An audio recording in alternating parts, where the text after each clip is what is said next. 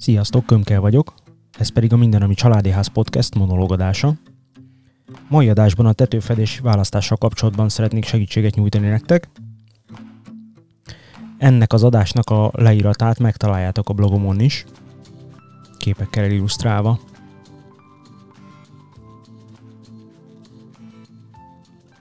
Vágjunk akkor bele. Rengeteg tévhit kering a köznyelvben a tetőfedő anyagokról. Nézzük ezeket sorjába, illetve próbáljuk tisztába tenni. Most a legnépszerűbb tetőfedő anyagokról lesz szó. Ezek cserepes lemez, bitumenes zsindej, korcolt lemez, illetve a cserép. A többi termékről azért nem ejtenék szót, mert rendkívül kis számban vannak jelen a tetőfedéseknél. Lehet, hogy majd egy külön adásban összefoglaljuk ezeket is, de most elsősorban hagyatkozunk a népszerűekre. Az első és a legfontosabb dolog az, hogy mi szerepel egyáltalán a helyi építési szabályzatban. Helyi építési szabályzatban övezetekre bontva elő van írva, vagy elő szokott lenni írva a tetőhajlásszögön kívül, hogy milyen tetőfedés alkalmazható. Tiltva szokott lenni például a trapézlemezfedés, sok helyen tiltják már a cserepes lemezeket, illetve színekben is vannak előírások, tehát például a hupilila színű, rikító színű tetőfedéseket, azokat nem engedélyezik. Legáltalánosabb tévhit az a súlya kapcsolatos. Nagyon sokszor hallom hallom azt, hogy azért nem is gondolkodik az ember egy betoncserépben, mert hogy annak a súlya az sokkal több, akár egy kerámia cserépnél, akár egy bitumenes zsindejnél, akár egy korcolt lemezfedésnél. Na most a súlynál, amit a statikusok számolnak, tehát amit a tetőszerkezetnek ki kell bírnia, az önsúlyán kívül az egy igen jelentős hó és szélteher. Ez a hó és szélteher megközelítőleg biztonsági tényezővel minden együtt 150 kg négyzetméterenként, tehát a tetőszerkezetet mindig erre kell méretezni, és ezen felül van a tetőszerkezetnek, tetőhéjálásnak az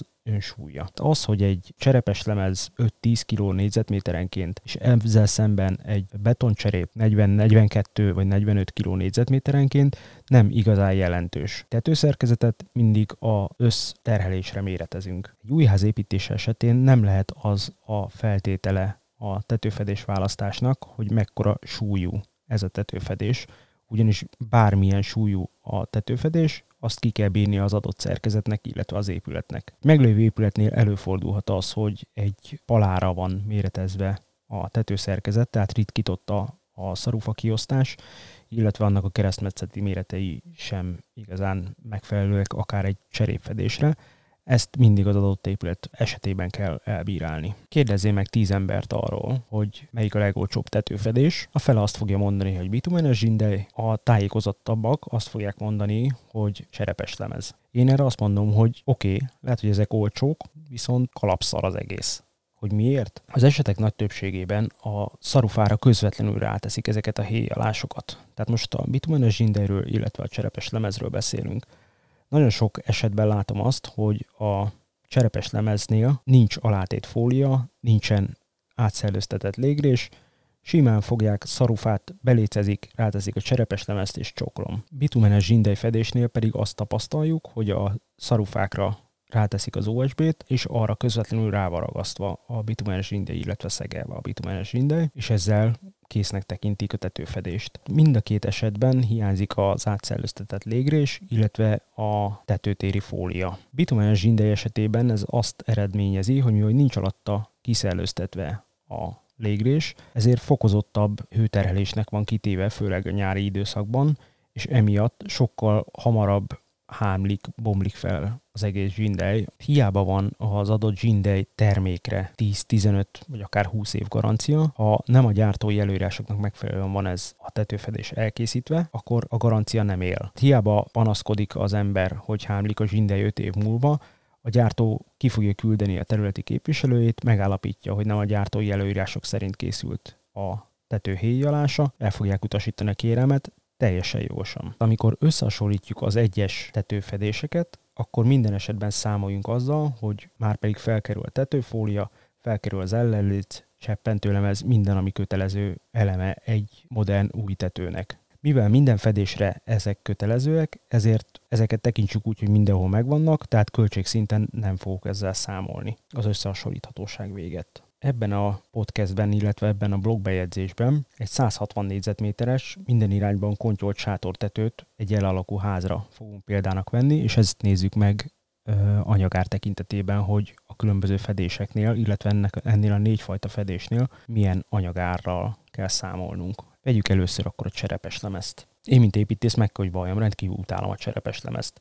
Egy, egy ö, esztétikailag rendkívül kifogásolható terméknek tartom. Egyszerűen nem szép ránézni. Főleg egyébként minél olcsóbb termékkategóriát nézünk ezen belül, annál rondábbak az illesztések. Tehát egy kupcserép, sima elemcsatlakozás, vagy egy vápa csatlakozást, ha nézünk, ezek egyszerűen rondák. Tudom, hogy ez szubjektív, meg, meg az ember pár százezer forintért cserében ne nézegesse, vagy elnézegeti a cserepes lemez esztétikáját, de én úgy gondolom, hogy egy tető az a háznak a kalapja, a dísze. Nem megengedhető az, hogy, hogy ilyen kompromisszumokra kényszerüljünk. Cserepes lemezből ez az adott ház, amit nézünk most, ennek az anyagára 557 ezer forintra jön ki, bruttóban, plusz természetesen a munkadíj.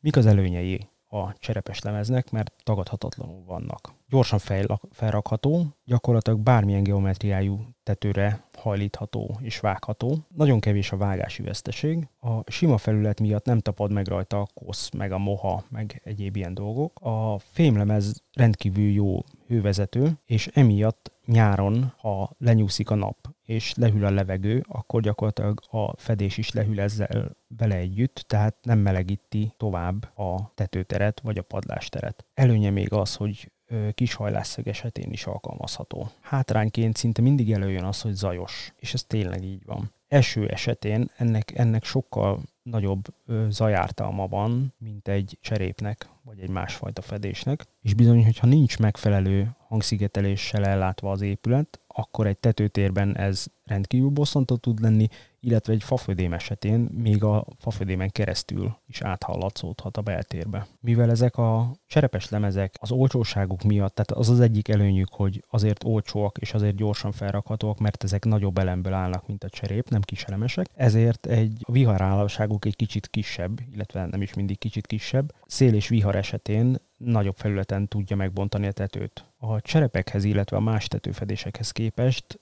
kirívóan kevés garanciát adnak rá, tehát ez az 5-10 év garancia, ez nem feltétlenül biztató. Ha vágási felületeknél, illetve ha más fém szerkezetekkel érintkezik a cserepes lemez, ott korrózió léphet fel, tehát erre fokozottan oda kell figyelni. Lépjünk át a bitumenes indejre. Itt a legnagyobb probléma az, amit már korábban említettem, hogy elhagyják a légrést, illetve az alátét fóliát, közvetlenül a szarufára ráteszik, így aztán a felforrósodott tetőfedés nem tud egyáltalán kiszellőzni, és idő előtt tönkre megy. Magyar sajátossága az, hogy a bitumenes zsindejfedéshez mindenki ért, holott egyfajta szakértelmet, illetve szakmai fogásokat ez is kívánna. Nem feltétlenül biztos, hogy akárkit megbíznék egy bitumenes zsindejfedés elkészítésével. A példánkban szereplő háztetőre a zsindejfedés USB alátéttel együtt ilyen 800 ezer, 810 ezer forint lenne bruttóban, és ez szintén csak az anyagár. Bitumenes zsindej előnyei szintén gyorsan felrakható, bármilyen geometriájú tetőre gyakorlatilag, könnyen vágható, kevés a vágási veszteség, valamint kis hajlászög esetén is használható. Hátrányai között kell említeni már korábban említett dolgok mellett, hogy a karbantartása nehézkes, tehát ö, sokkal nehezebben cserélhető egy-egy sérült elem, vagy egy-egy, egy-egy ö, utólagos tetőtéri ablak beépítésnél, vagy, vagy tető áttörésnél az adott rész nehezebben kezelhető, és korlátozottabb az élettartama, mint egy cserépnek. Kicsi speciális, illetve egyedi a korcolt lemezfedés. Ez manapság a minimálházak előretörésével dívik, és alacsony hajlásszögű tetőknél rendkívül kedvelt fedés és időtálló fedés. A kinézete miatt ez, ez nagyon erős hatást gyakorol az épületre, már előzetesen el kell dönteni, hogy egyáltalán szóba jöhet-e ez a lemezfedés, mert nagyon meghatározza az épületnek a jellegét, illetve képét. Korcolt lemezfedésnél sokszor tapasztalom azt, hogy elhagyják a drága alátét szőnyeget, ami az ajcsillapítást elősegítené, illetve magának a fedésnek az élettartamát növeli, mert a hőtágulásban is, is szerepet játszik. Pár éve látom azt, hogy Romániából hozzák be az olcsó bádogfedéseket, aminek sem a, a réteg vastagsága, sem pedig a színtartósága nem ér fel azokkal, amik a úgymond normál piacon tapasztalhatóak. És ráadásul nekem is van ilyen házam, ahol ö, ilyen fedés kerül feltevésre, mindenféle ellenérzésem, vagy mindenféle ellenvetésem ellenére, ugyanis ez az olcsó, és nem érti meg az építető, hogy, hogy műszakilag közel, közelébe sincs a, nem is az, hogy magyar terméknek, hanem a magyar piacon létező termékeknek, és az alátétszőnyeg helyességéről is alig tudtam őt meggyőzni, mert a gyártó azt mondta, hogy ők nem feltétlenül javasolják. És amikor elmondtam a műszaki érveimet, illetve a zajgátlással kapcsolatos dolgaimat, ők csak a vállukat vonogatták, hogy hát ott Romániában ezzel ők nem foglalkoznak, mert nem szokás. És alig tudtam meggyőzni itt Magyarországon a megrendelőt, hogy erre már pedig neki szüksége van. Nem véletlen egyébként, hogy az olcsóbb korcolt lemezfedés felé hajlik a hölgy, ugyanis ö, normál árakon, tehát hogyha egy akár egy Linda PLX-et nézünk, akkor a példában szereplő tetőnkre másfél millió forintba kerülne az anyagár bruttóban, az alátét szőnyeggel, illetve az alátét deszkázattal együtt. Még egy román korcolt fedéssel ez közel a fele, illetve ilyen 60% körül van. Mik a korcolt lemezfedés előnyei? Szintén gyorsan felrakható, gyakorlatilag geometriára bármire, vágható, kevés a vágási veszteség, nagyon kis hajlásszög esetén is használható. A bitumenes zsindejjel, illetve a cserepes lemezzel ellentétben ez rendkívül időtálló fedés. Hátránya az, hogy szakértelmet igényel, egyáltalán a lerakása, nagyon erős vizuális hatást gyakorol az épületre, teljes felületén alátét deszkázatot igényel, illetve ha vihar esetleg valahol meg tudja bontani, akkor, akkor egyből nagy felületet bont, mivel hogy tépi magával a, a felületet. Térjünk át akkor a legtöbbet használt tetőfedésre, illetve a legnépszerűbbre, ez a cserép. A cserépnél szinte hitvita szinten zajlik a két tábor között a, a veszekedés, hogy kerámia cserép vagy a betoncserép a jobb. A betoncserép és a kerámia cserép között kb. 10% a súly különbség, ami pont a korábban említettek miatt igazából egyáltalán nem számottevő. Tehát az, hogy egy cserépfedés 35 kilós vagy 42 kilós, a hó és szélteher figyelembevételével egyáltalán nem, nem érdekes. Egyébként minél nehezebb egy fedés, viharállóság szempontból annál jobb. Az agyag, tehát a kerámia cserép, az természetesebb anyag, mint a beton, ezt elismerem. Kerámia cserepek előnye, hogy rendkívül nagy a forma, illetve színválasztéka, viszont cserébe a kerámia cserepek sérülékenyebbek, de ez csak a felrakásra, illetve a karbantartásra vonatkozik, tehát a hó szélterheket, illetve jégesőt hasonlókat mindegyiket egyformán, mindegyik egyformán bírja. Tévhitként szokott az keringeni, hogy a kerámia cserepek azok szét tudnak fagyni. Ez egy bizonyos időszakban, illetve bizonyos években gyártott cserepeknél ez sajnos valós volt, de ennek csak az egyik része volt maga a cserép anyaga. Másik része az az, hogy nem volt megfelelő alátét fóliázás, illetve átszellőztetett légrés, tehát a cserép alján kicsapódó pára az egyszerűen nem tudott távozni, hanem szépen a cserép alján végigcsorgott, és ott szétfagyasztotta a cserepet. Ez a mai gyártmányoknál, tehát a mai manapság gyártott cserepek már nem tudnak vizet felvenni, ezáltal ettől a víztől nem tud egyik sem szétfagyni. A betoncserép eddig sem tudott, de a kerámia cserepek sem. Előjön itt is az a hülyeség, mint a lélegző falaknál, hogy hát a kerámia cserép az lélegzik, meg pára átteresztő. Ez egyáltalán nem igaz. Egyrésztről a kerámia cserepek már mindenféle bevonattal rendelkeznek, tehát gyakorlatilag teljesen párazáróak. Másrésztről korábban se volt ez igaz, még nem volt jelentősége.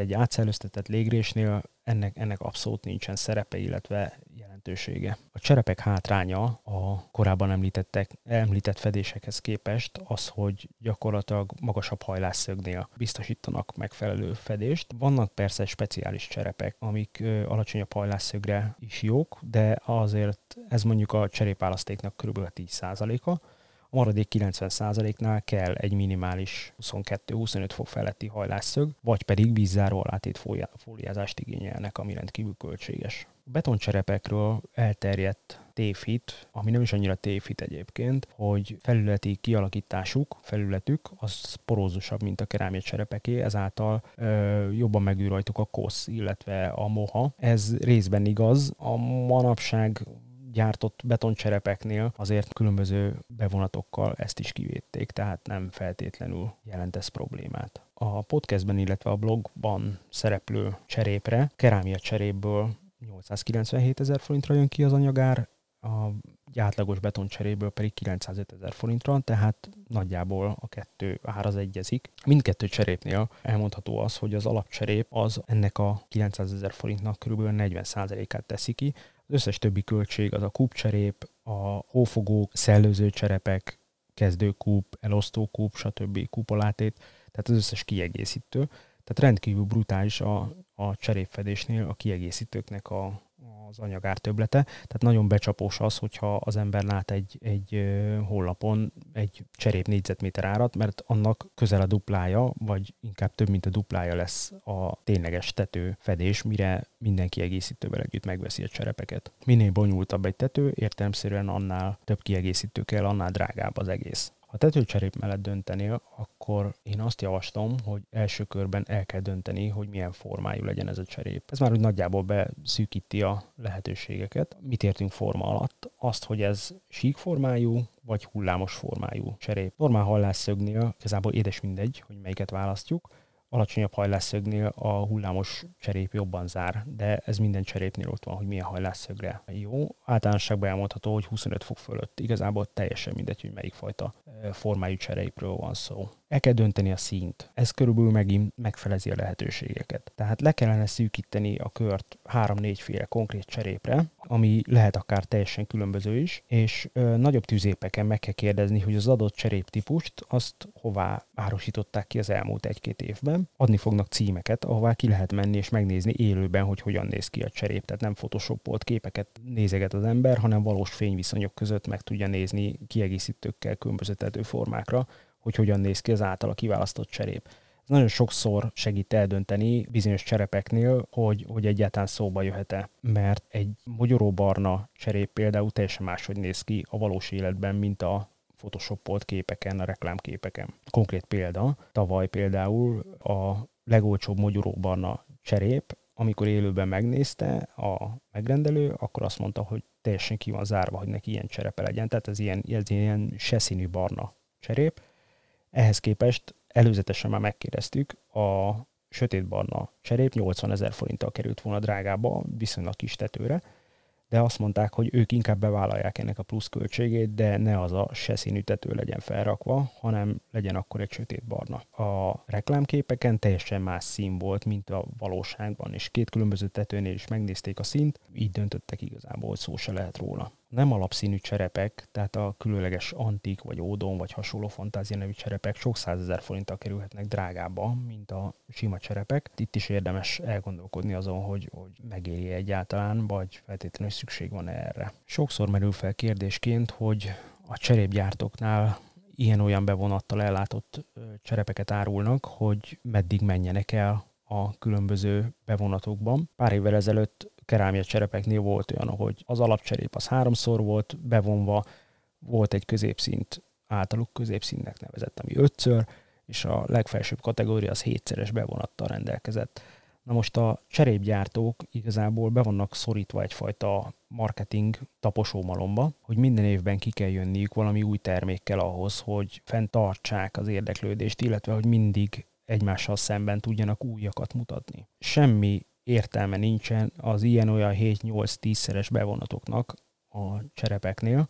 Meg kell állni egy középkategóriánál, de igazából már az alapcserepek sem natúrok, tehát azok is mindenképpen rendelkeznek azokkal a minimális bevonat rétegekkel, amik a mechanikai védelmet, illetve egyéb védelmet biztosítják. Nagyon népszerű most bevonatként szerepeltetni ezt a klímakontroll, illetve egyéb fantázia néven ö, létező cserepet, főleg azért, mert az antrazit, illetve szürke cserepek nagyon divatosak manapság, és ott hirdetik azt, hogy akár 20%-kal kisebb hűtési hőigény jelentkezik ezeknél. A marketing szöveg szerint a hagyományos bevonatú cserepek akár 80 fokra is felforrósodnak a nyári meleg következtében, míg ezek a speciális klíma vagy kul vagy hasonló bevonattal rendelkező cserepek állítólag csak 60, akár csak 60 fokosra, tehát ők itt számolják azt, hogy akkor, akkor akár a belső hőmérséklet az 8-10 fokkal is kevesebb lehet, mint ö, egy nem ilyen bevonatos cserép esetében. És egyáltalán nem vagyok arról meggyőződve, hogy egy több százezer forintos felár az valaha is be fog, meg fog térülni azon, hogyha valaki ilyen felületű cserepet rak egy tetőtérbeépítéses házra. Ugyanis egy tetőtérbeépítésnél mindenképpen szükséges gépi hűtés, anélkül már nem lehet létezni. Most a gépi hűtésnek a hűtési végénye, illetve az energiafogyasztása, ugye ez mennyiben befolyásolja az, hogy, hogy ilyen klímás, bevonatos cserép van fent, ezt igazából nem mutatta még ki senki, tehát nem tudták kimutatni. Én úgy gondolom, hogy egy megfelelően átszellőztetett tetőnél egy piros cseréphez képest nincs jelentős megtakarítás egy ilyen klímabevonatos, akár fekete, akár más színű cseréppel. Az meg már csak logikus végig gondolás kérdése, hogyha ha a tetőtér nincs beépítve, akkor teljesen fölösleges bármilyen klíma vagy egyéb speciális bevonatú cserép, ugyanis a padlásteret mindenképpen át kellene szellőztetni ahhoz, hogy ott megfelelő klíma alakuljon ki. Na most, ha a padlástér át van szellőztetve és nincs beépítve, akkor teljesen mindegy, hogy a padástérben 40 fok van, vagy 45 fok van. Összegezzük akkor az elhangzottakat, illetve a olvasottakat, ha valaki olvassa közben. De az egészből kiderült, hogy a közhédelme ellentétben a zsindejfedés az egyáltalán nem olcsó, hanem közel azonos árban van a cserépfedéssel, ha normálisan van megcsinálva. Viszont ebben az esetben is az élettartama az nem tud annyi lenni, mint egy cserépé. Az igaznak bizonyult, hogy a cserepes lemez jelentősen olcsóbb tud lenni a többinél, ez egy átlagos tetőnél 6-800 ezer forintot tud jelenteni, ha rendesen van megcsinálva, de akár ennek a másfélszeresét is, hogyha elhagyják a szükséges alátét átszellőztetett légrést a fóliával együtt. Én nagyon sok lakóépületet nézek meg vásárlás előtt, a vevők részére, mint szakértő, és amit látok, bitumenes zsindejfedést, illetve kevesebb esetben cserepes lemezt, ezeknek a 99%-ával probléma van. Már elhangzottak miatt, tehát hogy elhagyják a légrést, illetve a fóliát, illetve rendkívül szarul van kivitelezve az egész, ami azt jelenti, hogy már ott a vevőjelöltnek jeleznem kell, hogy mondjuk 5 éven belül, vagy maximum 10 éven belül egy nagyon súlyos, sok milliós kiadásra kell számítania, ami azt jelenti, hogy át kell az egész tető fedést ki kell cserélnie, illetve rosszabb esetben át kell alakítani ott a dolgokat. Érdekes egyébként, hogy a bitumenes zsindeljel kapcsolatban már 20 éve is ez volt a tapasztalatunk, illetve véleményünk kollégákkal. Tehát már akkor is ez a gányolt megoldás volt, és, és nagyon kevés esetben írtunk ki zsindejfedést, mert nem volt meg a megfelelő szakmai kivitelezői háttér, illetve nem volt meg az akarat, hogy ez az előírások szerint legyen kivitelezve, és ez 20 év után sem változott, tehát ugyanazt látjuk még most is a mostani bitumenes zsindejfedéseknél. Pont emiatt félő az, hogy cserepes lemezek, főleg a házfelújításoknál gombamód szaporodnak, és mivel hogy ott sem tartanak be szinte semmit, illetve a legolcsóbb, legszarabb anyagokból van felépítve, illetve kialakítva ez a cserepes lemezfedés, ez hatványozottan fog problémát okozni mondjuk egy 5-10 év múlva, amikor ezek a problémák ténylegesen előjönnek. Nagyon meg kell hát gondolni, hogy az ember spóroljon egy millió forintot, és cserébe egy olyan fedése legyen, ami, ami gyakorlatilag akár házilag, akár egy bármilyen ügyesebb kezű mester által javítható. Gondolok itt természetesen a, tetőfe, a cserépfedésre. Tehát ha egy cserépfedéssel bármi probléma van, az ember elemenként akár ki tudja cserélni a cserepet, míg az összes többi fedésnél szakembert kell hívnia, illetve egyből nagyobb kár keletkezhet. Ennyi lett volna ez a mai podcast, illetve a mai blog része. Ha tetszett, akkor iratkozzatok fel a csatornára, illetve gyertek vitatkozni a Facebook csoportunkba. Bármi észrevételetek van, a podcastkukac.kömkel.hu e-mail címre ezeket várom. Találkozunk legközelebb. Sziasztok!